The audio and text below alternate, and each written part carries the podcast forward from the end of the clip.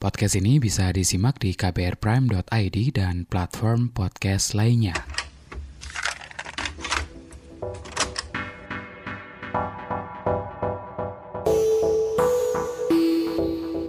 Penerimaan kadang-kadang memang jadi perkara yang rumit, baik penerimaan terhadap diri sendiri, terhadap sekitar. Dalam Love Buzz kali ini saya bakal ngobrol perkara penerimaan ini bareng Agas dan Dedi yang sudah saling menerima satu sama lain. Agas dan Dedi yang tinggal di Bali ini biasa membagi keseharian mereka di media sosial dari perkara ibadah, berderma hingga bermesra. Bareng mereka berdua, saya ngobrol perkara spiritualitas dan penerimaan Hindu terhadap LGBTIQ+.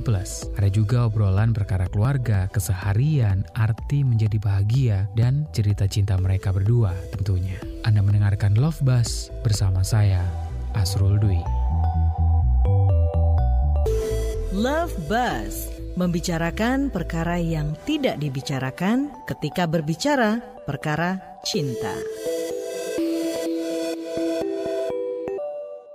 Situasi di Bali kayak gimana sekarang ini gitu. Kalau gua ngeliat dari instastory teman-teman gua di Instagram kayaknya banyak anak-anak Jakarta yang udah mulai liburan ke sana gitu. Iya. Betul. Domestik sih masih masih ya udah udah udah mulai udah mulai ramai sama tabu domestik. Ramai orang kerja juga sih sekarang jalanan udah lumayan padat. Kayak hari ini kan Hmm. lumayan padat juga. Cuman kalau bule paling yang sisa di sini cuma ekspat doang. Iya, sama bule-bule yang nggak tahu mungkin Dapat akses. dapat akses dari mana tiba-tiba muncul aja di Bali. Oh gitu. biasanya ke Jakarta dulu biasanya. iya, Mhm. Atau mungkin bisa jadi kayak kayak beberapa influencer yang kita lihat yang kemarin sempat bermasalah gitu ya. Kalau teman-teman ngikutin terutama kayak Instagramnya beberapa politikus asal Bali, asal Bali yang sangat concern dengan warga asing yang tinggal dan memanfaatkan hak tinggalnya dengan seenaknya di Bali gitu. Bisa jadi mereka memang mungkin memang sengaja tinggal long stay di Indonesia gitu. Ya, ya mereka-mereka aja sih yang yang tersisa gitu. Iya. Dan beberapa sih memang aku nggak tahu ya mungkin ya kebanyakan sih ekspatriat kayaknya. sih. Tapi kalau aktivitas pariwisata nggak masih belum terlalu normal gitu ya. Secara umum kondisi pariwisata Bali bisa dibilang belum pulih banget. Kalau misalkan teman-teman lihat kalau ke Bali kemudian lewat di jalanan di Jalan Raya Kuta di Legian apalagi itu eh, sepi sepi banget sepi banget bener-bener kayak kayak kota mati gitu toko-toko tutup Iya. prihatin banget sih ngelihat ngelihat kondisi Bali saat ini gitu ganggu sebagian daerah Ubud tapi kalau Denpasar kotanya tetap Rame. rame Karena rame rame orang kerja. ya Kalau kalian sendiri kerjaan kepengaruh nggak sih sama pandemi? Puji Tuhan, alhamdulillahnya nggak terlalu, malah kayaknya sebenarnya gini kan kalau masalah kerjaan sebenarnya di kita kan kerjaan kemarin yang sebelumnya kerja kerja ya, sebelumnya berhubungan dengan dengan pariwisata, Pariwisata. karena kita punya juga biro pariwisata ya. Kita Ya. tuh ada namanya Holy Bali Day. Itu benar-benar mati total. Ya. ya karena waktu itu kita baru memang ya mungkin ini udah udah garis Tuhan gitu ya. Januari 2020 itu kita baru aja switch dari yang awalnya itu pangsa pasar turis lokal itu ke pangsa pasar kita nyarinya target marketnya tuh European market. Terus kemudian covid masuk jebret. Bisa bayangin kan maksudnya dari kita perubahan target market itu aja kita udah aduh ini kayaknya kok kita apes banget ya Iya. gitu. Ya itu dari Wali Balinya kita mati terus udah yayasan paduan suara yang dijadikan agas nggak jalan. nggak jalan padahal kita waktu itu udah rencana udah sampai ya ada gitu lomba lah keluar. Ah, gitu. mau ikut lomba yang ada di luar negeri gitu akhirnya ya apalagi karena paduan suara kan melibatkan banyak orang ya berkumpul gitu ya anak-anak pula. Ya udah orang tua nggak ada yang berani ambil risiko semuanya bisa dibilang selesai sampai sekarang. Akhirnya kita nemu satu bisnis yang Malah kalau di masa pandemi kita malah kita ya. puji Tuhan alhamdulillah Tunggara karena kita kan di bidang kesehatan juga, jadi ya otomatis kita bisa survive. Ya ya pinter-pinternya puter otak lah kalau misalkan kemarin-kemarin masih hanya mengeluh dan meratapi nasib kayaknya mungkin nggak survive sekarang. Beneran tapi serius. Tapi ya puji Tuhan saya secara umum bisnis sama aman Kalian berarti kerjaan barengan juga atau beda-beda? yes yes we build our business together Ya. Oke, itu nggak mempengaruhi dinamika hubungan kalian gitu. Oh, sangat sangat. ada titik pas lagi bosennya bosen Hmm, banget gitu ada iya. terus kalau misalkan ada masalah di kerjaan Hmm. kadang-kadang salah paham gitu juga jadi ya gitu Kalau kata orang gini, dalam sebuah bisnis sebenarnya tidak di tidak dianjurkan ada matahari kembar. Sedangkan kita di sini kita basic dari personality kita itu kita sama-sama orangnya keras dan Dua-duanya idealis. Dua-duanya alfa. Jadi masing-masing itu kadang gini, kadang kalau ketika idealisme kita, salah satu itu bertemu dengan idealisme yang lain yang lain itu jadinya ya tengkar gitu. Tapi untungnya kita tuh selalu mencoba untuk mengkomunikasikan segala Yes, sesuatu. benar. itu sih Mm-mm. Walaupun kayak bisa dibilang ya ribut-ribut itu mulai dari yang ribut ringan sampai yang ribut berat, ya lebih baik kita selesaikan. sakit ribut ribut ringan ribut kayak sakit sakit ringan sih cuman Iya. kita termasuk jarang banget loh Bro. Iya. termasuk jarang banget berantem. Sebulan sekali. belum tentu Belum tentu juga, ada ya kadang-kadang ya bete-betean gitu Iya. ada cuman kalau berantem tuh enggak karena ya itu balik lagi kita untungnya dari awal banget kita berhubungan sih emang udah selalu bilang bahwa kalau misalkan ada apa-apa komunikasi itu yang Betul. penting banget Jangan Sampai- dibawa tidur. ya kalau misalkan berantemnya malam jangan sampai tidur Ya. kalau masalah pagi ya jangan sampai ke bawah terus sampai siang Iya. atau jangan sampai matahari Iya. terbenam gitu lah ya jadi Iya. sampai kemarin ada temen salah satu temen nanya enak ya kalian kalau berantem gitu pasti setelahnya tuh ada acara duduk bareng berdua ngobrol gitu ya makanya udah jadi kebiasaan Tapi ngomong soal jalanin bisnis berdua, enaknya itu tadi nggak enaknya ya kita karena karena sama-sama idealis dan sama-sama keras kepala. Tapi enaknya itu ketika salah satu lagi mungkin ngerasain down, Ya. eh, apa butuh motivasi, ada misalnya pas lagi agas lagi down, aku yang mau motivasi gitu. Ayo dong kita kita punya goal loh ini kita punya goal bareng yang yang besar yang menunggu kita di depan dan ini bukan cuma goal kita tapi bisa jadi goal yang akan membahagiakan semua orang gitu. Terus kemudian kalau pas misalkan aku kayak lagi capek, aku lagi mungkin eh, demotivasi, ya Agas yang memotivasi aku gitu. Jadi memang enaknya gitu ya kayak ganda ganda pemain bulu tangkis ganda gitu ya. Jadi kalau ada di smash salah satu ada aku yang nggak siap, ada salah sa- ada Agas yang siap ah namplok balik. Selama pandemi ini punya pengaruh juga nggak sih? Jadinya tapi kalian udah ini ya selalu bersama gitu ya, jarang berpisah gitu kan. Jadi nggak ngaruh Kayaknya kayaknya ya. Sempet sih kita sempat sebulan waktu pas aku ambil sertifikasi yoga waktu itu sebenarnya masih di Bali sih, tapi di di Singaraja Singaraja, di Bali Utara. Hmm, sekitar dua setengah jam lah dari Denpasar itu. Aku nggak bisa nggak bisa ikutan ke sana kan. Jadi ya kita separate each other. Cuman itu sih Itu aja tapi sisanya Sisanya semuanya bareng terus. Eh, Cuman sebulan dalam berapa tahun kalian barengan? kita baru tiga tahun kok Kita baru tiga tahun and still counting. amin. Oh, tiga tahun jadi 30 tahun. Amin. Amin. iya harus lebih lah. Kalian kan iya cukup terbuka dengan hubungan kalian satu hubungan kalian barengan udah tiga tahun tadi dan Hmm, di sosial media juga di share gitu. Kalau lingkungan sekitar kalian orang-orang di sekitar kalian atau keluarga gitu otomatis juga sudah tahu dong ya atau sudah menerima bahkan ya. iya Iya. udah aman sih kalau lingkungan kerja terus keluarga itu udah aman Ya. termasuk di perusahaan kita juga di bisnis kita juga memang yang dilihat ya etos kerjanya yang Betul. dilihat bu- eh, maksudnya bukan bukan orientasi seksualnya gitu Betul. terus kalau misalkan aku juga ngajar gitu ya maksudnya aku nggak pernah sih maksudnya declare bahwa aku gay gitu lagian buat apa? Nggak nggak nggak perlu juga kan ngomong ke orang gitu. Cuman aku tidak berusaha menutupi tapi Hmm. tidak berusaha untuk kembar-kemborin juga enggak Iya. gitu. kalau misalkan aku lagi ngajar di lingkungan baru gitu ya karena kan aku freelance lah sambil freelance ngajar juga kan. Jadi aku ngajar di suatu tempat yang baru ngajar fire gitu atau ngajar di klub. Aku nggak perlu bilang kalau aku gay tapi kalau misalkan mereka tahu instagramku ya udah mereka follow berarti kan mereka udah udah tahu kan setelah itu, setelah itu aku lihat respon mereka. Oh ternyata mereka biasa aja oh ya udah gitu. Karena Iya. emang aku juga selama aku kerja gitu ya ya aku nunjukin sikap yang profesional aja. Nggak ada kayak yang gimana yang aneh-aneh gitu. Aku sama Dedi juga kalaupun Dedi misalkan nemenin aku ngajar gitu ya ya beneran kayak nunjukin bahwa dia tuh jadi support system yang baik gitu gitu sih malah orang jadinya ngelihat wih orang ini bisa saling support ya berdua gitu. jadi kita tunjukin dari side yang positif Iya, iya. Kita tuh nggak yang berusaha untuk aduh mesra-mesraan di No, depan no, no, orang no, itu no, enggak. no. Justru justru ya kita kita bertindak sewajarnya gitu. ya Nggak kayak yang Iya. berusaha untuk nunjuk-nunjukin "Eh, kita couple no. orang laki sama perempuan juga kalau berhubungan kan gak segitunya Iya. banget ya kita juga jangan Iya. jangan ini gitu ya nggak nggak setuju. Iya, cuma ya kalau misalkan mau nyebrang jalan, gandengan gitu ya wajar Udah biasa lah. gitu. Truk aja gandengan kan, masa kita nggak gandengan? Tuh, selalu deh.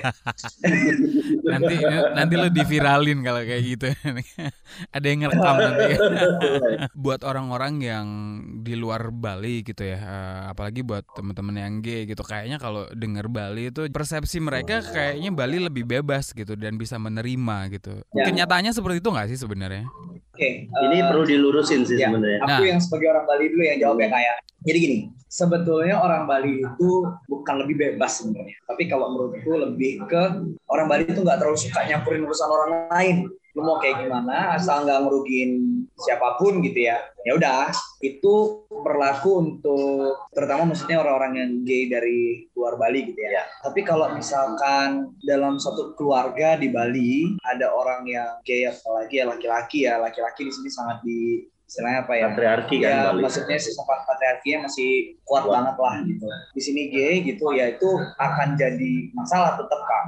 Jadi nggak yang maksudnya orang Bali terus mereka come out sebagai gay itu gampang itu nggak juga. Apalagi misalkan kayak aku kondisinya aku anak cowok satu-satunya gitu di keluarga Hmm. itu sangat nggak gampang. Butuh proses juga untuk keluarga nerima gitu. Apalagi kalau misalkan orangnya aktif banget di Banjar nih gitu. Wah, apalagi itu gitu. Jadi kayak sebenarnya nggak bebas-bebas banget gitu. Cuman kalau misalkan teman-teman dari luar Bali yang ke Bali bisa jadi mungkin dibanding sama daerah lain di Indonesia agak lebih safe karena Hmm. mungkin ya itu tadi sebenarnya orang Bali bukan nerima gaynya tapi lebih ke nggak Iya. nggak terlalu suka campurin urusan orang lain.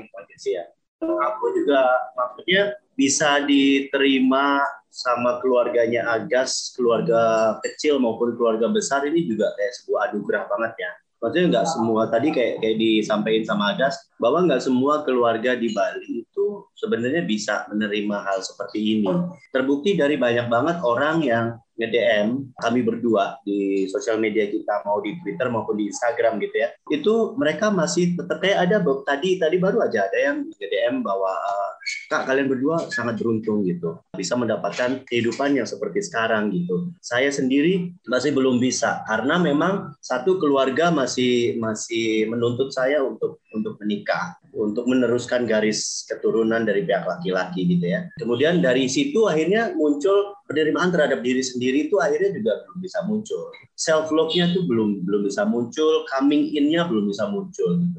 Ini juga yang kayaknya kayak gimana ya orang-orang tuh kayak ngelihat kita coming out-nya yang di yang di yang dilihat gitu. Padahal sebenarnya Sebelum long before kita yes. coming out tuh malah kita justru coming in dulu. Yeah. We accept who we are. Kita terima bahwa kita adalah manusia yang memang seperti ini dan inilah kami. Kita mencintai diri diri kami apa adanya. Dari situ akhirnya muncul um, lebih ke menjadi bodoh amat. Iya, bodo amat dan ya ya udah sih gitu. Dan teman-teman mungkin ini juga aku nggak tahu ya kayak aku sih percaya bahwa energi itu eksis ya. Energi kita atau apa orang sebut aura atau apa gitu itu itu benar-benar eksis dan ada. Aku ngerasa bahwa ketika kita sudah bisa mencintai diri kita sendiri, orang di sekeliling kita pun juga akan melakukan hal yang sama kok. Aku juga ngerasa dulu aku SD, SMP, SMA aku dulu nggak terlalu banyak punya teman ya kayak. Cuman setelah kuliah dan itu kuliah hampir selesai. Setelah aku bisa nerima diriku sendiri, sebenarnya kalau dibilang aku udah self love banget, sebenarnya masih belum banget sih. Ada beberapa hal yang perlu diselesaikan sebetulnya dalam dalam diri. Cuman kalau untuk urusan yang itu, aku udah terima diriku sendiri itu dari tahun 2016 lah mungkin. 2016 2017 dan aku ngerasain semenjak aku bisa nerima diriku sendiri kayak gitu dan aku tidak berusaha menutup-nutupi itu tapi nggak juga yang apa sih gembar-gembor bilang aku kayak gini gitu. Justru aku malah punya banyak teman habis itu sampai sekarang. Aku tertarik soal penerimaan tadi. Kalau Agas kan keluarga udah nerima, kalau Dedi belum ya. Ya. Nah, sementara kalau di kita hubungannya soal eh, keluarga juga ya. Mungkin kalau keluarga nggak setuju atau nggak bisa nerima, itu kayak jadi beban gitu kan buat buat kita Hmm. gitu.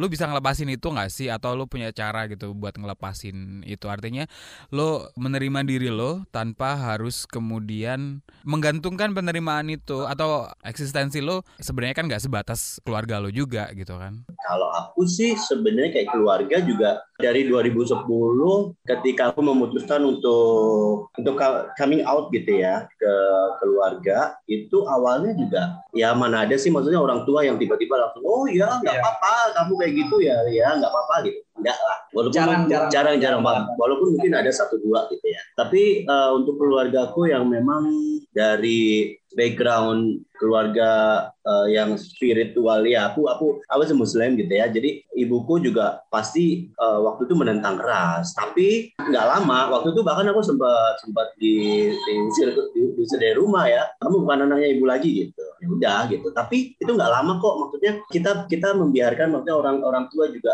healing. Ada Iya. ada healing healingnya sendiri untuk untuk menerima kita itu juga nggak mudah. Makanya kita juga jangan egois ketika orang tua belum bisa menerima kita ya jangan paksakan Iya. gitu. Kemudian jangan paksakan untuk coming out juga ketika memang satu kita secara secara terutama dari sisi finansial deh belum siap belum siap tuh jangan gitu jangan gegabah gitu Eh, cuma karena euforia kayak bahwa aku udah nggak tahan hidup kayak gini eh, hidup dalam dalam dalam kepura-puraan dalam dalam lemari terus gitu Terus apalagi melihat ih ada Iya, itu kayak hmm. ada Kak sama Kak Dede aja mereka Hmm. bisa diterima terus Iya. terus ujuk-ujuk tiba-tiba langsung coming out gitu. Mm-mm, jangan, itu jangan juga jangan jadi kan kondisi kita juga beda-beda. beda-beda. Jadi memang harus ya dipertimbangkan gitu. Ya intinya keluarga sebenarnya sudah menerima walaupun secara di, disampaikannya gini, it's your life, it's your choice, segala risiko kamu yang menanggung. Kalau kamu bahagia, kami pun bahagia. Itu kayak gitu sih. Agak mau nambahin dikit. Hmm. Ya, intinya saling punya inilah berempati ya jadinya. Iya Maksudnya gini, berempati. kita juga tempatkan diri atau posisikan diri jadi orang tua kita, jadi keluarga juga. Orang tua kita kan sebelumnya nggak pernah berpikir bahwa kita akan eh, bahwa kita ini seperti ini gitu ya. Jadi ketika kita coming out juga atau misalkan kita ketahuan gay gitu, pahami juga posisi mereka. Mereka tuh juga nggak gampang terima kita kayak gini. Betul. Jadi yang kayak dibilang sama Dedi tadi, biarin mereka heal dulu gitu. Maksudnya kayak karena aku yakin yang namanya keluarga ya kayak cepat atau lambat, mereka pasti akan balik lagi ke kita. Kita pasti akan balik lagi ke mereka Betul. gitu asalkan selama proses penerimaan itu kita jangan kayak terus-terusan menekan mereka juga Hmm. sama kayak kemarin ada kejadian juga kok kak teman dekat kami nggak sengaja ketahuan sama papa sama mamanya karena mantan dia bilang bahwa dia ini pacarnya anaknya gitu Hmm, di Iya. depannya langsung Iya. orang tuanya yang marah besar marah besar Hmm. terutama papanya gitu kalau mamanya dia udah kayak karena udah punya feeling lah mungkin ya anaknya seperti itu. Terus akhirnya si anak ini pergi dari rumah nggak sampai sehari di malam itu juga papanya intinya suruh dia balik disuruh obrolin baik-baik. Mungkin belum bisa terima kalau anaknya belum. Cuman ya sudah gitu. Iya. itu pilihan kamu. ini kamu udah dewasa kamu udah tahu membedakan mana yang baik benar Nah, sekarang aku selalu support dia bilang ya udah sekarang tugas kamu adalah nunjukin bahwa even kamu even kamu kayak gini kondisinya ya kamu tetap bisa jadi anak yang baik kamu bisa tetap jadi anak yang berbakti sama orang tua tetap Tunjukin bisa, prestasi. ya, bisa tetap berprestasi balas itu semua dengan dengan hal baik dengan sesuatu yang bisa membanggakan orang tua. Terus tadi masalah apakah ba- bahagia apa bahagia atau apa apa ya bahagia kita tergantung dari penerimaan terhadap da- dari lingkungan atau orang tua. Sebenarnya kalau bisa dibilang idealnya sih enggak ya. Idealnya harusnya, harusnya tidak. tidak. Bahagia itu kita yang ciptain sendiri Iya. pasti ya. Tapi kita tidak bisa memungkiri Iya. bahwa kita hidup tuh kan nggak sendiri ya. Sosial. Kita di, ru- di rumah aja kita ada orang tua ada saudara. Ada lingkungan sekitar kita ada teman-teman kita. Maksudnya kalau kita cuma egois kita memikirkan diri sendiri kemudian kita menganggap bahwa yang penting gue bahagia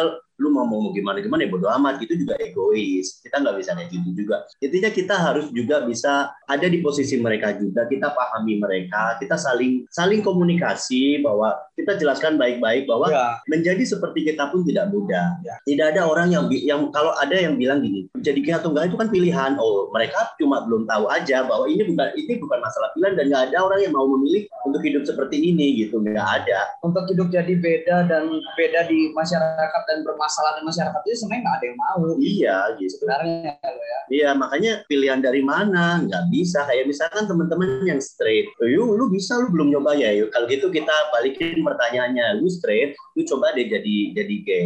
Lu Kira-kira nyaman nggak? Kalau misalkan straight dipaksa gitu, nggak bakal nyaman ya karena itu udah bawaan horor. Terus kalau misalkan ada, oh ada kok gue temen gue tadinya jadi gay. Kalau sejauh yang kita tahu ya dari pengalaman teman-teman juga, mungkin itu udah ada bibitnya gitu. Tinggal ya di Tinggal belum tinggal meletek aja belum gitu. meletek aja, belum ketemu yang pas aja gitu. iya Atau bisa jadi ya bisexual gitu kan sebenarnya. Yes, ya. ya betul.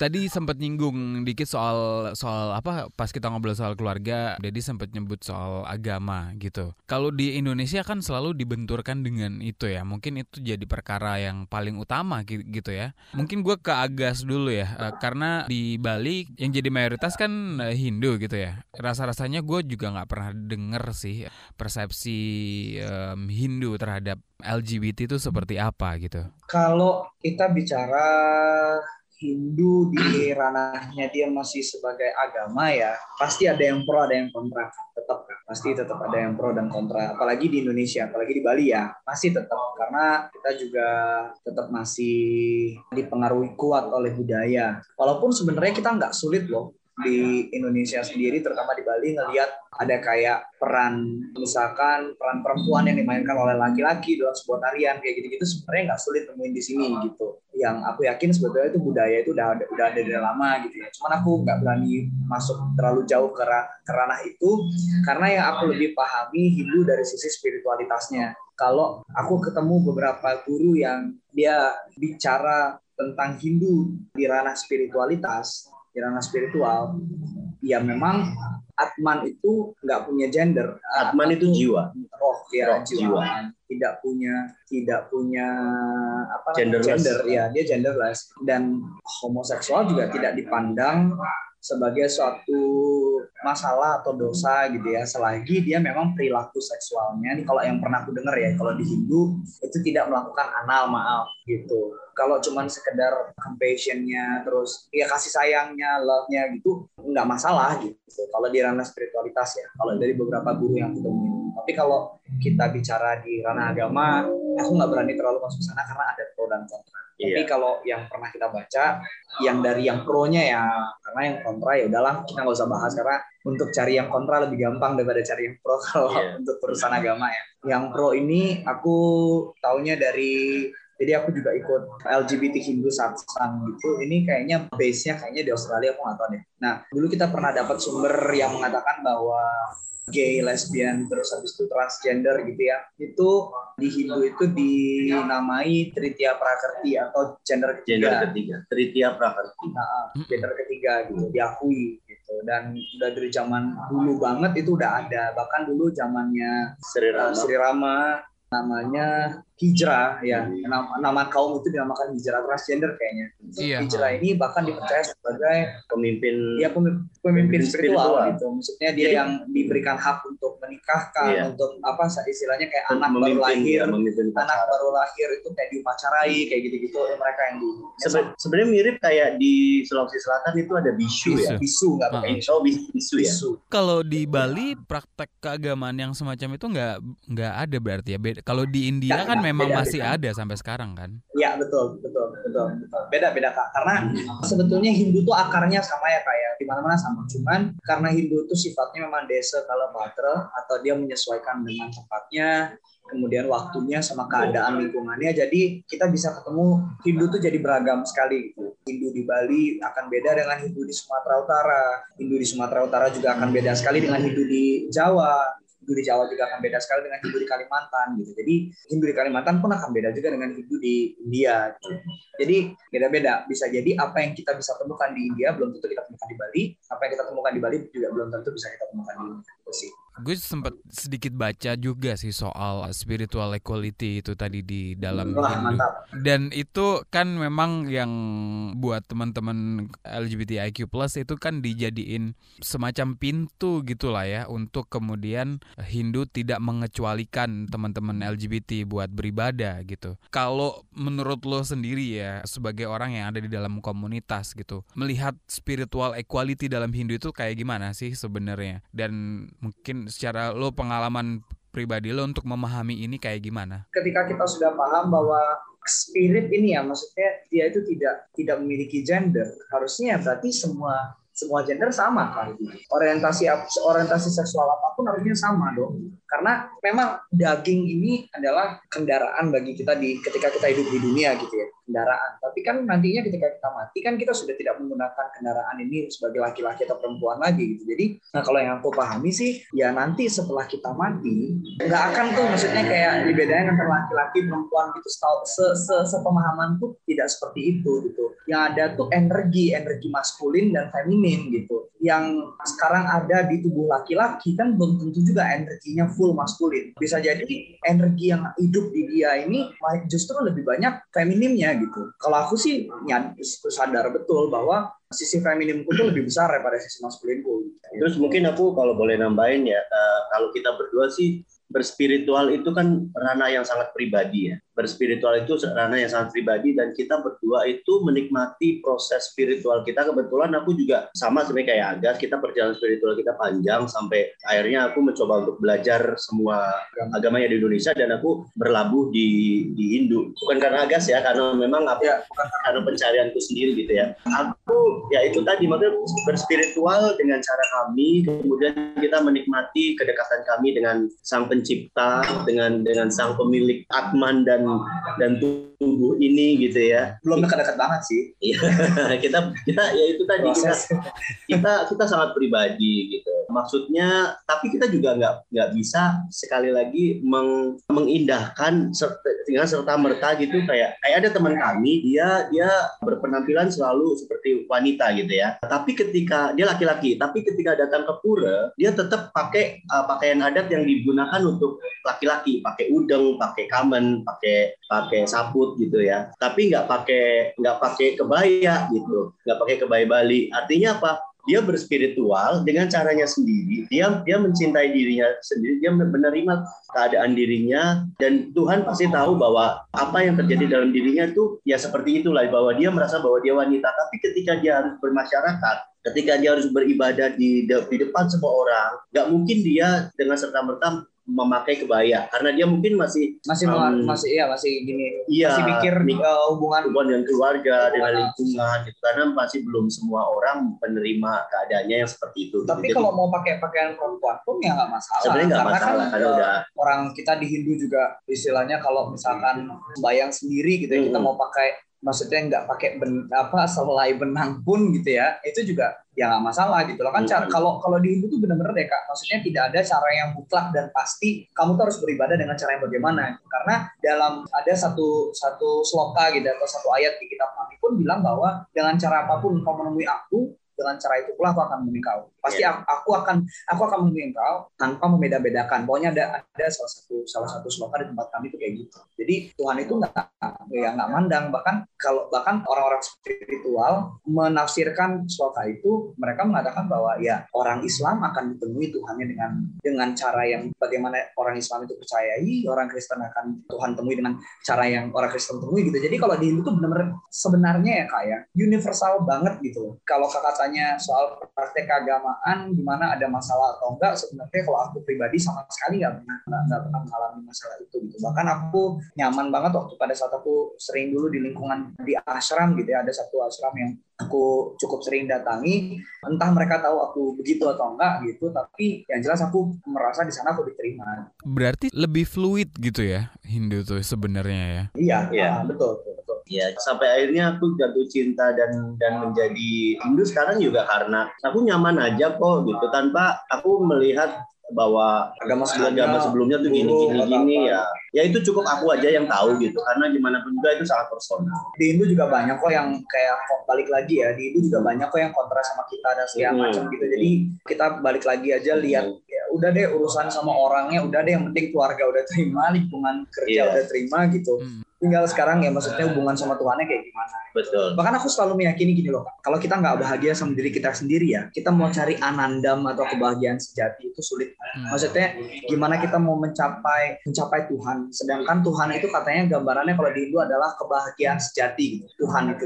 Bagaimana kita mau menyatu dengan kebahagiaan sejati itu kalau kita nggak bahagia dulu sama apa yang kita punya sekarang. Kalau orang Jawa kan ada ngerti ada wali songo ya, ada sesi jenar nah. dengan ajarannya apa ya. uh, manunggaling kaulo gusti Gusti itu. Manunggaling kaulo Gusti. Gue tiba-tiba tadi waktu hmm. Agas ngomong itu tiba-tiba inget itu. Betul, sama, tadi. sama. Karena tujuan umat Hindu adalah kita menyatu dengan Tuhan. Kita moksha. Moksha. Kita bukan kalau di Hindu kan ketika kita surga atau neraka itu kan kita akan dilahirkan kembali ya. Hmm. Jadi surga itu bukan kayak bukan tujuan akhir. Bukan tujuan akhir. Gitu. Yang tuj yang jadi tujuan akhir itu adalah moksha itu menyatu dengan sang Brahman karena sebetulnya ini kita jadi bicara soal ini ya.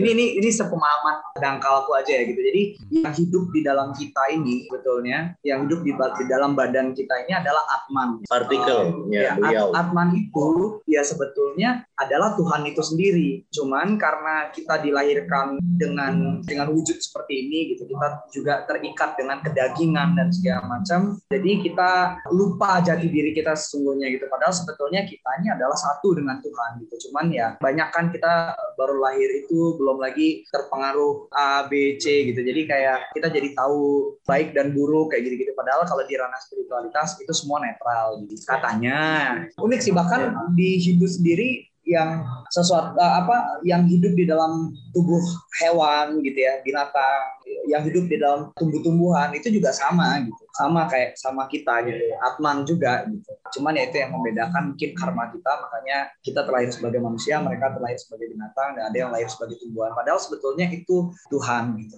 Bahkan aku juga pernah loh dengar konsep sufisme di dalam Islam. Siapa yang bilang ya? Pokoknya intinya bilang ke mana pun aku melihat aku melihat Tuhan. Gitu. ya, sebenarnya konsep itu sama betul sama sama kita. Sebenarnya kalau kita lihat dari situ akar cinta kasih justru sumbernya dari situ. Dari situ. Karena gimana pun juga kalau kita melihat bahwa ada Tuhan di di tubuh orang lain, ada tubuh ada Tuhan di di tubuh hewan di hewan-hewan di kucing, harimau, gajah, di tumbuhan, di hutan-hutan. Itu kita nggak mungkin akan logikanya kita nggak akan mungkin menyakiti mereka juga karena cuman kita itu, tahu bahwa ya. kita sama dengan mereka. Ya, cuman itu itu itu itu teori ya kak ya. ya. Prakteknya sulit. Prakteknya sulit. Ya orang kadang-kadang kita suka nggak usah jauh-jauh deh sama hewan sama tumbuhan orang kita kadang-kadang masih suka bermasalah dengan manusia berarti yeah. kan itu yeah. kita sendiri belum sadar bahwa sebetulnya yeah. itu di dalam dia itu ada Tuhan Betul. kesadaran itu yang susah bahkan sama diri sendiri juga kadang tengkar iya benar sama diri, bener, diri bener. sendiri debat konsep yang tadi yang kita bicarakan itu kalau di Hindu namanya Atman Brahman Avikyam hmm. Atman Brahman Avikyam itu artinya sesungguhnya Atman dan Brahman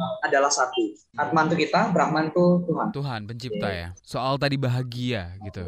Bahkan mengartikulasikan atau mendefinisikan kebahagiaan ketika kita mengalami itu, itu kan susah gitu ya. Bahkan hmm. mungkin kita nggak akan nyadar gitu. Tapi ketika ya, itu sudah terlewati, baru ternyata oh itu toh yang namanya bahagia gitu. Dalam konteks Betul. obrolan kita tadi ya soal spiritualitas dan kebahagiaan. Kalau kalian sendiri proses yang kalian lewati kayak gimana dan ketemu nggak sih definisi itu tadi menurut diri kalian pribadi ya secara personal? Pertama, aku pernah ada di fase di mana ketika aku berusaha bukan berusaha ya ketika aku bisa hidup di masa sekarang gitu ya maksudnya present moment gitu itu ternyata bahagia tuh kayak gitu sesimpel itu bahwa bisa hidup di masa sekarang aja tidak tidak perlu terlalu berpikir jauh ke belakang maupun ke depan gitu bahagia tuh sudah sudah aku rasain. Kemudian yang kedua, aku nggak tahu kenapa, tapi aku jujur bersyukur punya perasaan yang kayak gini. Jadi dan aku sama Dedi itu sama.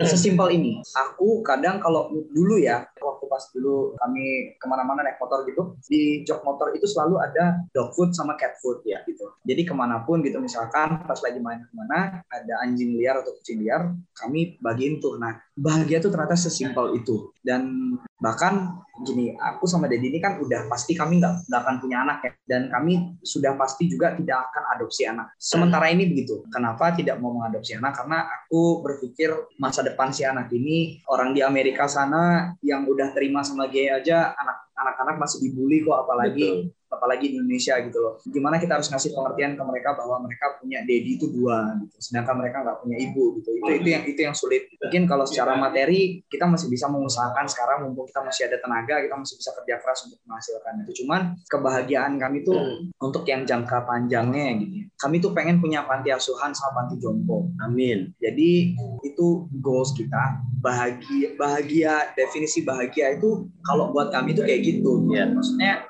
yang yang bahagia yang langgeng loh ya. Yeah. Kayak gitu. Makanya aku tadi nggak sebenarnya kayaknya kesannya gimana gitu Iya. kalau ngomong cuman ya memang ditanya, memang begitu memang jelasin. memang begitu gitu jadi kalau mau ditanya bahagia itu kayak ya Kalau dari aku sendiri, secara garis besar sama ya, karena kita untungnya gitu, aku sama Agas itu ketemu dengan banyak kesamaan, terutama terkait dengan dengan konsep bahagia tadi. dan keras kepalanya ya selain dari keras kepala dan lain-lain. Cuma dari aku jadi ini agak jadi cerita sedikit ya. Aku dulu sempat sempat membenci kehidupan ini, sempat membenci kehidupan ini dan sempat capek dengan kehidupan ini. Mungkin juga karena ya karena I think terlalu banyak masalah dalam hidupku gitu ya, menganggap seperti itu. Terus kemudian aku pengen banget jadi bik- biksu. Mungkin kepikiran gini kalau jadi biksu udah deh nggak kepikiran apa-apa, udah pokoknya hidup hanya untuk untuk untuk jadi apa buat buat Tuhan aja gitu. Sampai ada di momen aku tersadar bahwa ya mungkin aku nggak tahu ya, mungkin nanti ke depannya di di masa depan aku bakal jadi biksu aku juga nggak tahu ya. Aku akhirnya disadarkan, terutama Agassi yang menyadarkan bahwa kalau kita bisa hidup bahagia dengan membahagiakan orang lain juga. Itu kenapa tidak? Nah dari situ akhirnya aku sama Agas memang akhirnya kita punya niatan, kita punya goal dan bahkan itu kita jadi goal. Our final goal itu bukan yang melulu soal ma- mate materi yang yang gimana-gimana, tapi our main goal itu adalah itu. Kita pengen punya panti asuhan dan panti jompo. Yang itu benar-benar kita urusin dan kita biayai dari ya dari baby sampai nanti umur 18 tahun mereka terjamin dan kita harapkan udah ada kita- plannya sih kayak gitu. Itu udah, udah ada plannya. Kita pengennya sih pengennya semoga Tuhan mengabulkan amin dan semoga yang dengar juga ikut mengaminkan. Kita pengennya tidak terlalu mengandalkan dari bantuan yang ada di luar. Walaupun kalau misalkan ada yang mau bantu ya kita pasti terima gitu. Tapi kita usahakan bahwa kita udah men- men- menjamin kehidupan mereka. kehidupan mereka itu cukup dan dan dapat hidup yang terbaik. Soalnya aku udah pernah ngerasain sendiri, aku pernah kerja di yayasan yang kayak untuk biaya makan apa segala macam itu butuh donasi gitu ya. Hmm. Agak sulit gitu karena donatur juga kan nggak terus-terusan yang kaya banget gitu ya. Hmm. Ya kenapa nggak kita sendiri sih yang Hmm. biayain yayasan kita sendiri kalau memang kita juga udah financially stable gitu ya. Ya. Jadi kalau menurutku soalnya gini loh kak, pikiran kayak Dedi tadi gitu ya, berpikir bahwa "Ah, udah aja jadi biksu aja gitu karena udah ini pengen hidup sama Tuhan Ya. aja. Itu kalau menurutku justru pikiran pengecut loh. tapi Kenapa? bukan bukan berarti maksudnya ke orang yang jadi biksu maksudnya enggak Oh, maksudnya bukan, bukan. Ini loh, Ah, bukan. maksudnya ada yang Bukan. takutnya ada yang salah Enggak, enggak. benar-benar. Cuman pikiran-pikiran pikiran-pikiran seperti itu yang datang ketika kita sedang ketika kita ada masalah ketika kita ada masalah dan kita tidak Iya. punya apa-apa, Betul. pikiran itu gampang banget datang, Betul, jelas. betul, betul. Tapi yang sulit, yang yang yang menjadi yang menjadi hebat adalah ketika kamu punya segalanya, tapi kamu berpikir kamu sudah cukup dengan itu, kemudian kamu jadi biksu, itu baru hebat, namanya. Mhm, mhm. Tapi kalau kita sekarang lagi miskin, lagi nggak punya apa-apa, lagi hidup banyak masalah, terus abis itu kita memutuskan untuk udah kita hidup di mengasingkan diri dari orang-orang, kita hidup hanya untuk apa istilahnya melayani Tuhan gitu ya. Padahal sebetulnya jalan untuk melayani Tuhan itu banyak banget. Menyantuni orang miskin juga melayani Tuhan, ngasih anjing liar makan, kucing liar makan juga eh, istilahnya itu juga melayani Tuhan gitu. Karena kan ya balik lagi sesuai dengan konsep agak konsep Hindu tadi kan Tuhan itu kan ada di mana-mana ya gitu. Hmm. Maksudnya Tuhan itu juga hidup di hewan, Tuhan itu Hmm. juga hidup di manusia gitu. Ya gitu gitu. Hmm. Nah, makanya aku tuh kadang-kadang selalu juga heran sama orang-orang yang berpikir kayak karena di Indonesia kebanyakan gitu ya udah cari cari rezeki, cari rezeki itu secukupnya aja, yang penting bisa makan. Dan untuk ya untuk hidup makan eh apa eh, makan untuk hari ini, besok nanti mikirin lagi gitu. Kalau menurutku orang-orang yang berpikir seperti itu tuh agak agak egois nggak sih gitu. Maksudnya kayak kenapa sih pikiran itu datang kalau menurut aku itu justru karena orang-orang tuh berpikir bahwa Tuhan itu ngasih rezeki itu cuma buat dia sendiri gitu loh. Tuhan ngasih nitipin dia rezeki itu eh, dia dihabisin sendiri gitu. Padahal sebenarnya kan Tuhan kasih kita rezeki itu ada ada sebagian yang kamu dititipin sama Tuhan buat kamu kasih buat orang lain gitu loh. Hmm. Kalau menurut aku ya sama ya kayak goal kita punya panti panti asuhan, kita punya panti jompo, emang nggak butuh duit, butuh duit Hmm. banyak besar. Hmm. Makanya kalau aku doa aku nggak pernah tanggung-tanggung Tuhan saya pengen sejahtera, saya pengen kaya. Jadi Hmm. Kenapa kita minta misalnya kita berdoa minta jadi kaya supaya ya karena kita udah tahu bahwa ketika Tuhan kasih kita kekayaan Tuhan itu sedang menitipkan sebagian rezeki yang Tuhan kasih ke kita tuh buat jadi berkat buat orang lain itu Betul. Kak. jadi ya kalau ditanya kebahagiaan that's true happiness buat kami berdua. Bahagia ketika melihat orang lain juga ikut bahagia. Kalau cerita bahagia kalian ini mulainya dulu kayak gimana? mulainya mulainya. oke. Mulainya nggak tahu ya? halus banget Oh, ya halus maksudnya gini kalau kalau Hmm. kalau aku kalau aku sendiri dari tahun 2014 sebenarnya gini sih aku tuh emang mungkin kayak orangnya tuh ya, maksudnya mungkin itu sisi feminimku ya. Jadi kayak gampang banget tersentuh gitu loh. Kayak orangnya tuh kayak cengeng gitu loh. Maksudnya kayak melankolis banget lah pokoknya hatinya gitu. Dulu juga tahun 2014 sempat ikut jadi relawan kayak gitu-gitu ya buat satwa-satwa yang kurang beruntung yang kayak gitu-gitu. Nah kemudian bergaul dengan lingkungan dengan orang-orang yang seperti itu yang memperjuangkan bukan bukan hanya memperjuangkan diri mereka sendiri tapi mereka memperjuangkan hak atau hidup makhluk lain gitu itu jadi jadi apa ya jadi mungkin ya itu ngebentuk hati juga ya ngebentuk hatiku juga jadi seperti itu gitu. Karena seiring dengan perjalanan waktu aku melihat mereka yang mereka bicarakan itu bukan lagi hanya tentang diri mereka sendiri itu itu kayak ngebentuk oh dan aku tahu oh kayaknya ketika aku melakukan ini ini deh bahagia aku gitu. Kadang bisa jadi ya orang itu bisa jadi itu selama ini sudah ketemu bahagianya tapi bisa jadi bahagia itu bertahannya itu cuman pada saat itu aja. Contoh misalkan ada orang yang happy dengan dugem misalkan gitu. Salah nggak dugem? Enggak nggak salah. Siapa yang bilang salah? Cuman bisa jadi eh, bahagianya cuman pas itu aja selesai dugem udah selesai. Nah bisa jadi orang itu nggak tahu bahagia mereka yang benar-benar happy banget itu di saat apa karena mungkin belum belum pernah nyobain aja belum ketemu gitu. Tapi aku yakin kalau misalkan udah ketemu titiknya gitu ya ketemu apa sih ya jadi yang kayak ya maksudnya ketemu sa- satu hal yang bisa Tipping mereka point. bukan ya maksudnya ya itu akan jadi turning pointnya dia gitu Eh, ya pokoknya dia belum mungkin belum ketemu aja kalau ditanya bahagia yang kayak gitu munculnya mulai kapan itu halus banget sih kak Hmm. serius maksudnya nggak tahu yang kayak dan itu tidak dibuat ya Ya. jadi kayak memang oh ya udah jadi ketika berpikir kayak kayaknya kalau ngelakuin ini kayaknya happy banget Hmm. nah itu itu ya karena pengalaman pengalaman sebelumnya bisa jadi Iya. gitu. sama satu lagi happynya kita berdua adalah kita pengen hidup bukan bermaksud nggak suka sama orang cuman karena aku emang dasarnya emang orangnya nggak terlalu suka bersosialisasi sama orang gitu ya Heeh. Pengennya hidup mengasingkan diri gitu ya. Kita pengen punya rumah. Enggak kita, kita aku kalau kan biasanya kalau orang-orang menggambarkan aku ingin hidup di rumah rumah kecil di tengah sawah gitu gitu. Oh enggak kalau aku enggak. Aku pengen hidup di rumah yang bagus gitu ya Iya. tapi itu di pegunungan gitu. Tetap aku pengen di rumah yang bagus. Maksudnya apa-apa kita bisa dapetin di sana Iya. kayak gitu. Tapi ya bangun pagi itu kita berkebun kayak gitu gitu pengennya ih itu kalau kalau aku bayangin sekarang tuh kayak ini bulu kuduk semua merinding gitu ya bulu tangan merinding gitu. Kayak oh my god itu kayaknya happy gua sama Dedi. Ya gitu. Intinya untunglah aku beruntung dipertemukan dengan orang yang yang sama gitu. oh, masa ya, ya kita sama-sama beruntung. Sama-sama. Gitu kadang buat orang lain mungkin aneh tapi buat kita ya. Nah, ya mungkin kayak oh ter- terlalu jauh lu guys terlalu ketinggian. Gitu ya nggak apa-apa sih. Nah. kan timingnya orang beda-beda ya kan? Maksudnya, Makanya mungkin kalau teman-teman ngelihat story kita belakangan kok berhubungan dengan materi ya, ya. Duit duit duit karena kita realistis sih. Kita hidup di mana materi itu bisa mengusahakan semuanya. Ya apa intinya apa apa butuh duit Apa apa butuh duit. Kalau misalnya kita hidup di zaman batu mungkin beda gitu. Tapi karena kita hidup di zaman yang memang serba seperti itu ya, memang kita kenapa tidak gitu. Kita kita kita jadi sejahtera, kita jadi kaya dengan tujuan untuk bisa berbagi apa yang kita punya dengan orang lain. Kalian udah sinkron banget gitu ya? amin amin kak amin, Amin. kak amin kak apa amin kak Kan udah tiga tahun nih ya. Untuk sampai ke sana, kesan yang gue dapat sinkron itu kawin banget gitulah kalian berdua klop gitu kan. Mungkin kan orang yang lihat cuman bagian itu aja ya yang dilihat. Tapi kan ada proses yang dilewati. Proses-prosesnya itu kayak gimana gitu sampai ketemu. kalau dilihat dari tadi aja ya kita berdua nih suka ngebacot orangnya ya Hmm. ini kita nih emang terutama aku ya gitu aku yang cerewet banget emang pada dasarnya kita emang suka ngobrol gitu kan jadi dulu waktu pada saat di awal-awal jadian aja aku tanya sama Dedi alasan kamu akhirnya milih aku apa Dedi berpikir bahwa nanti kan kita udah tua kan udah mungkin udah bakal jelek ya. Maksudnya muka kita mungkin udah nggak kayak dulu lagi gitu satu-satunya yang bisa bikin kita bertahan adalah obrolan gitu nah ya ini emang nyambung obrolan ini loh kita bisa membicarakan banyak hal Iya. berjam-jam sebelum tidur kita juga ngobrol. Ya, jadi kalau misalkan dibilang mau cari kawinnya kapan, ya lihat aja dari tadi ini kita ngebacot mulu gitu ya, terutama aku gitu. Udah kayak juru bicaranya Dedi gitu. Dan even kita lagi berantem pun, akhirnya ngobrol gitu.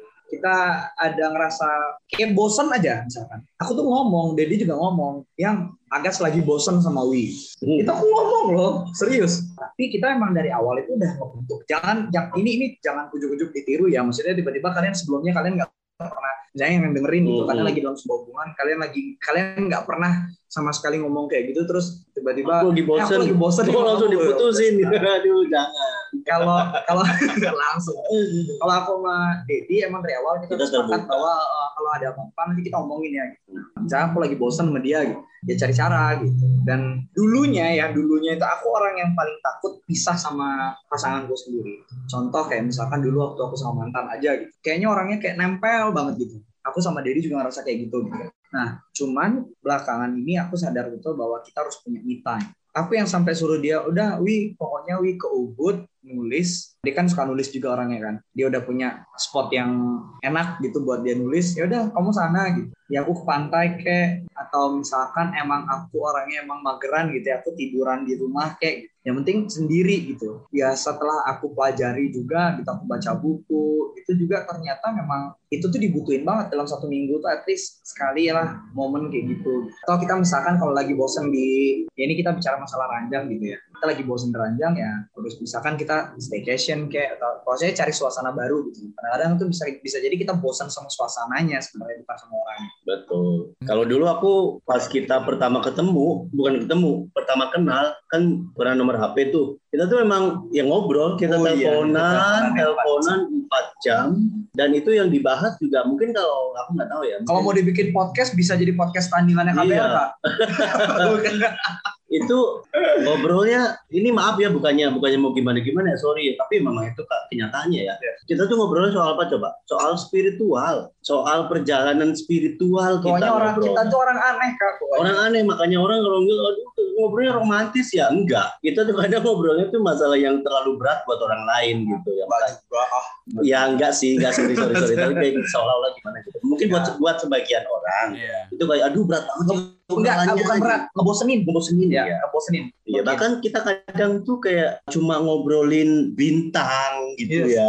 Ya, Kita kan seneng nih astronomi ya, kita juga Eh, sekarang lagi nabung buat beli buat beli teleskop. Teleskop. Terus kita punya impian rumah kita tuh nanti di di lantai pokoknya di rooftop di rooftopnya itu benar-benar ada kita ada spot yang kita bisa ngamatin bintang gitu loh. Itu makanya ya itu sih ya eh, ki- kita nggak berusaha untuk dicocok-cocokin Iya. banget gitu. Kalau walaupun benar kan ini kata eh, Bunda Ana Avanti benar Iya, nih Bunda gini. Ana Bunda Ana Avanti pernah bilang gini. Dalam pernikahan itu Nggak ada orang yang 100% 100% cocok, yang ada tuh dicocok-cocokin. Kita Iya. berdua pun sama dicocok-cocokin. yes. Tapi memang ada beberapa yang udah cocok yang udah dari cocok sononya. dari sononya dan itu yang makin melekatkan kita. Terus yang nggak cocok ya kita cocok-cocokin. Wih, kita kita juga kalau mau dicari nggak cocoknya banyak banget loh. Iya. Kita tuh soalnya sama-sama keras kepala orangnya. Hmm. sama-sama temperamen. Temperamen parah. Dedi tuh kalau cerita ke belakang itu bahkan termasuk waktu pas di awal-awal kenal tuh temperamen banget gitu ya. Aku pun sama. Aku aku tuh kalau marah tuh ah, destruktif lah pokoknya gitu ya Dulu dulu aku lebih galak, sekarang dia lebih galak. soalnya padahal udah udah aku serahkan kepemimpinan hubungan ini ke dia dia nya Galak. ya sudah Udah biarin aja maksudnya. Maksudnya, Aku karena- lebih percaya dia. soalnya ya kan balik lagi kayak dibilang sama Dedi tadi kan maksudnya di suatu hubungan tuh nggak kayaknya nggak bisa ada matahari kembar karena kita ngerasa kalau misalkan kita gontok-gontokan di kepala kita gitu ya udah udah ya dua-duanya sama-sama keras gitu aku tadinya berpikir bahwa Dedi kan 11 tahun lebih tua daripada aku lebih tua ya lebih tua ya. Aku pengennya dia yang mimpin cuman ya kadang-kadang misalkan ada sesuatu yang kayaknya aduh kok kok kayaknya nggak sesuai gitu ya. Biasalah idealisnya aku yang seorang anak kecil yang nggak tahu diri ini Iyalah. gitu ya. Maksudnya kayak jadi nggak enak aja jalannya gitu. Akhirnya dia mungkin lebih percaya kalau aku yang Hmm. kalau aku yang lebih ya mungkin bahasa orang lebih dominan gitu. Tapi memang benar sih, maksudnya untuk orang yang dua-duanya alfa itu pasti awalnya akan susah. wih eh, ngeri berantem Tapi- berantem. Ada satu momen di mana aku sadar bahwa aku harus sadar bahwa aku memang sedang bertumbuh ke dalam. Aku sedang bertumbuh ke dalam. Jadi ada satu aplikasi ini sekali aku bukan lagi promosi tapi ini aplikasi bagus banget. Namanya The Pattern. Aku download itu aplikasi dan aku melihat bahwa oh bagus sih memang aku sekarang sedang bertumbuh ke dalam. Aku kalau nggak ketemu dengan Agas, aku tidak dibenturkan dengan orang yang sifatnya sama dengan dengan yang yang aku punya gitu, aku sama-sama keras. Bisa jadi oh aku akan jadi sosok yang keras kepala selamanya, egois, egois gitu. Tapi kemudian aku dipertemukan dengan sosok yang bisa jadi cerminan diriku. Ya. Aku belajar bahwa oh ini ya ternyata ya, aku harusnya tuh bisa lebih sabar dan aku beruntung ketemu dengan Agas, aku bisa jadi sosok yang sekarang bisa lebih sabar, bisa lebih menjaga emosi, bisa lebih bijaksana. Makanya aku beruntung gitu loh. Bisa jadi orang orang di luar sana bilang bahwa ya gue memang kayak gini gitu ya. Aku nah, juga gitu. Ya, ya gue memang kayak gini. Lu mau yeah. terima gue apa enggak gitu kan? Yeah. Tapi apakah gue memang kayak gini itu baik buat kita sebenarnya? Yes. Atau justru ujung-ujungnya itu justru itu bisa menghancurkan kita kita saya tidak sadar. Nah dari situ aku aku belajar bahwa bertemu dengan Agas mengajarkanku bahwa aku harus bisa lebih sabar lagi. Aku bisa lebih ngalah lagi dan ternyata itu indah. Dan itu efeknya juga bagus. Aku ketika misalkan gini, aku tuh dulu paling nggak bisa ngelihat orang misalkan aku udah antri terus kemudian dia ada di depanku misalkan gitu. Aku pasti langsung wah keluar. Tak omelin habis-habisan di depan orang. Kalau dia nggak ampun ampunan aku bakal ini. Tapi sekarang nggak. Oh bisa oh ya udah biarin. Bisa misal siapa tahu dia memang lagi buru-buru. Ada sesuatu yang kita nggak tahu yang bikin dia nyerobot antrian udah nggak apa-apa Dedi tenang aja nggak apa-apa. Kok gitu. Jadi kayak lebih berdialog dengan diri sendiri dan itu aku ngerasain nyaman banget. Kapan itu sempat ngelihat kayaknya kalian disebut sebagai as a power couple of the internet gitu. Oh, wah, enggak lah power couple of the internet. Enggak ah. Itu di Twitter kan gue searching-searching gitu. Enggak, artinya kan orang melihat bahwa kalian adalah pasangan yang ideal gitu kan. Ada ide-ide mengenai itu gimana nah, sih seharusnya. Amin tapi kita Cuman kayak Iya, tapi kalau kalian ngelihatnya sendiri gitu ya, hubungan yang ideal tuh yang kayak gimana sih gitu? Apakah yang sekarang ini ataukah masih ada titik-titik lainnya yang pengen kalian capai gitu? Iya, gak ada kalau aku jalanin aja. Kalau aku sih sebenarnya kalau bilang hubungan ideal hubungan ideal tuh sebenarnya nggak ada. Yang namanya juga ideal ya. Itu cuma ada di ide kita gitu ya.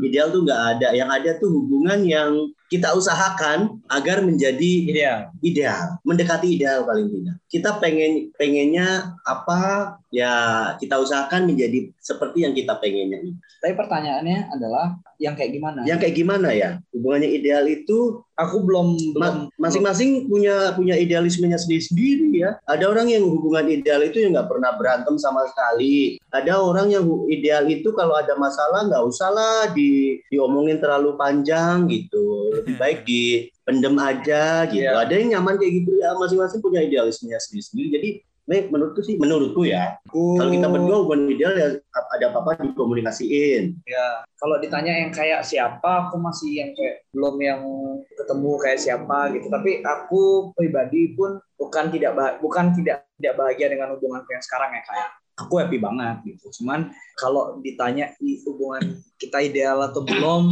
sebenarnya belum.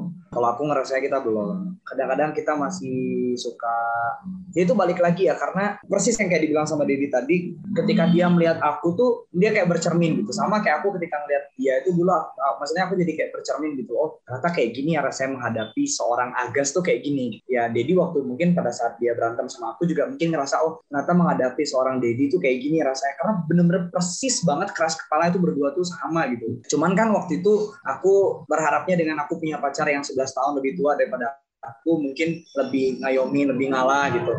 Tapi ternyata aku masih harus berurusan dengan dengan gontok-gontokan juga dan segala macam kayak gitu. Cuman ya syukurnya itu bisa bisa direm. Ya lebih sering bisa ngeremnya sebenarnya daripada nggak warasnya gitu. Tapi nggak warasnya dua-duanya ya. Kalau misalkan pas Dedi lagi yang nggak tahu lagi nggak bisa di ngertiin, aku juga nggak bisa di ngertiin, udah berantem terjadi. Aku tuh ya sama ya kayak misalnya kadang-kadang tuh di kepala mungkin bisa jadi ini bentuk rasa tidak bersyukur sih sebenarnya kayak, tuh pengennya tuh kayak nggak pernah berantem, nggak pernah bad mood bad moodan gitu, tapi kenyataannya masih ada. Cuman kayaknya di, di dunia ini kayaknya sulit banget nih nyari yang kayak gitu. Plus maksudnya kayaknya hambar banget nggak sih kalau misalkan nggak ada masalah sedikit sedikit gitu. Hmm. kayak maksudnya itu, justru mungkin nggak ideal gitu, gitu kayaknya. Ya. no, malah justru nggak ideal ya gitu. Ya tapi kalau misalkan ditanya idealnya yang kayak gimana kayaknya aku masih belum ketemu. Oh kayak gini kali ya. Kayak Andrew White sama siapa namanya? Ya kita tanya ya makanya. Kalau gitu tanya kayak benar. Apa Andrew White anda bah eh, sudah menganggap hubungan anda ideal ya aku aku belum selesai lanjutin ya iya. maksudnya itu kan bisa jadi ya kayak ya itu kayak orang lain melihat kita berdua sama Hmm. aku juga melihat dia tuh kayak ngeliat mereka tuh kayak couple idaman gitu Rumput Padahal- rumput tetangga kan terlihat lebih hijau. padahal nggak tahu kan dalamnya kayak gimana proses yang mereka lewatin juga kayak Betul. apa Cinta menurut kalian arti atau maknanya apa? ini jawaban yang sama yang aku selalu pegang cinta itu adalah saling mendengarkan saling menghormati saling menerima saling mengampuni dan saling mengasihi Kalau Dedi? Kalau menurutku cinta pertanyaannya gampang sebenarnya tapi susah karena jawaban pertama itu udah sempurna ya. ya kalau gitu mahkota Miss Universe saya serahkan kepada Bapak Aga saja aku first runner up nggak apa-apa deh. kalau menurutku cinta itu apa ya gila aku ini jujur kali ini aku nggak bisa jelasin sih. Tapi sebenarnya esensinya sih tadi kan nggak boleh sama ya tapi terpaksa aku, Nggak, nggak apa-apa sih aku akan bilang Hmm. ya itu tadi sih bahwa cinta itu adalah sesuatu yang memang harusnya bisa membuat kita bahagia apa pun itu baik itu kepada diri sendiri ke dalam maupun keluar gitu. Kalau kita bisa merasakan bahwa kita bahagia dengan apa yang kita lakukan bahagia dengan kondisi kondisi kita maka itu kita artinya sudah sedang ada di tahapan cinta ke diri kita. Ketika kita keluar kita bisa melihat ketika ada orang lain bahagia kita juga ikut bahagia ya itulah cinta Kalau kamu punya saran, komentar, atau ingin berbagi cerita, boleh banget. Email ke podcast at kbrprime.id dan tulis Love Bus untuk subjek emailnya. Tuhan itu nggak memandang gender atau jenis kelamin. Cuman ya, kitanya aja kali ya, manusia ini yang demen pandang, memandang, lalu membeda-bedakan, bahkan kemudian mengecualikan.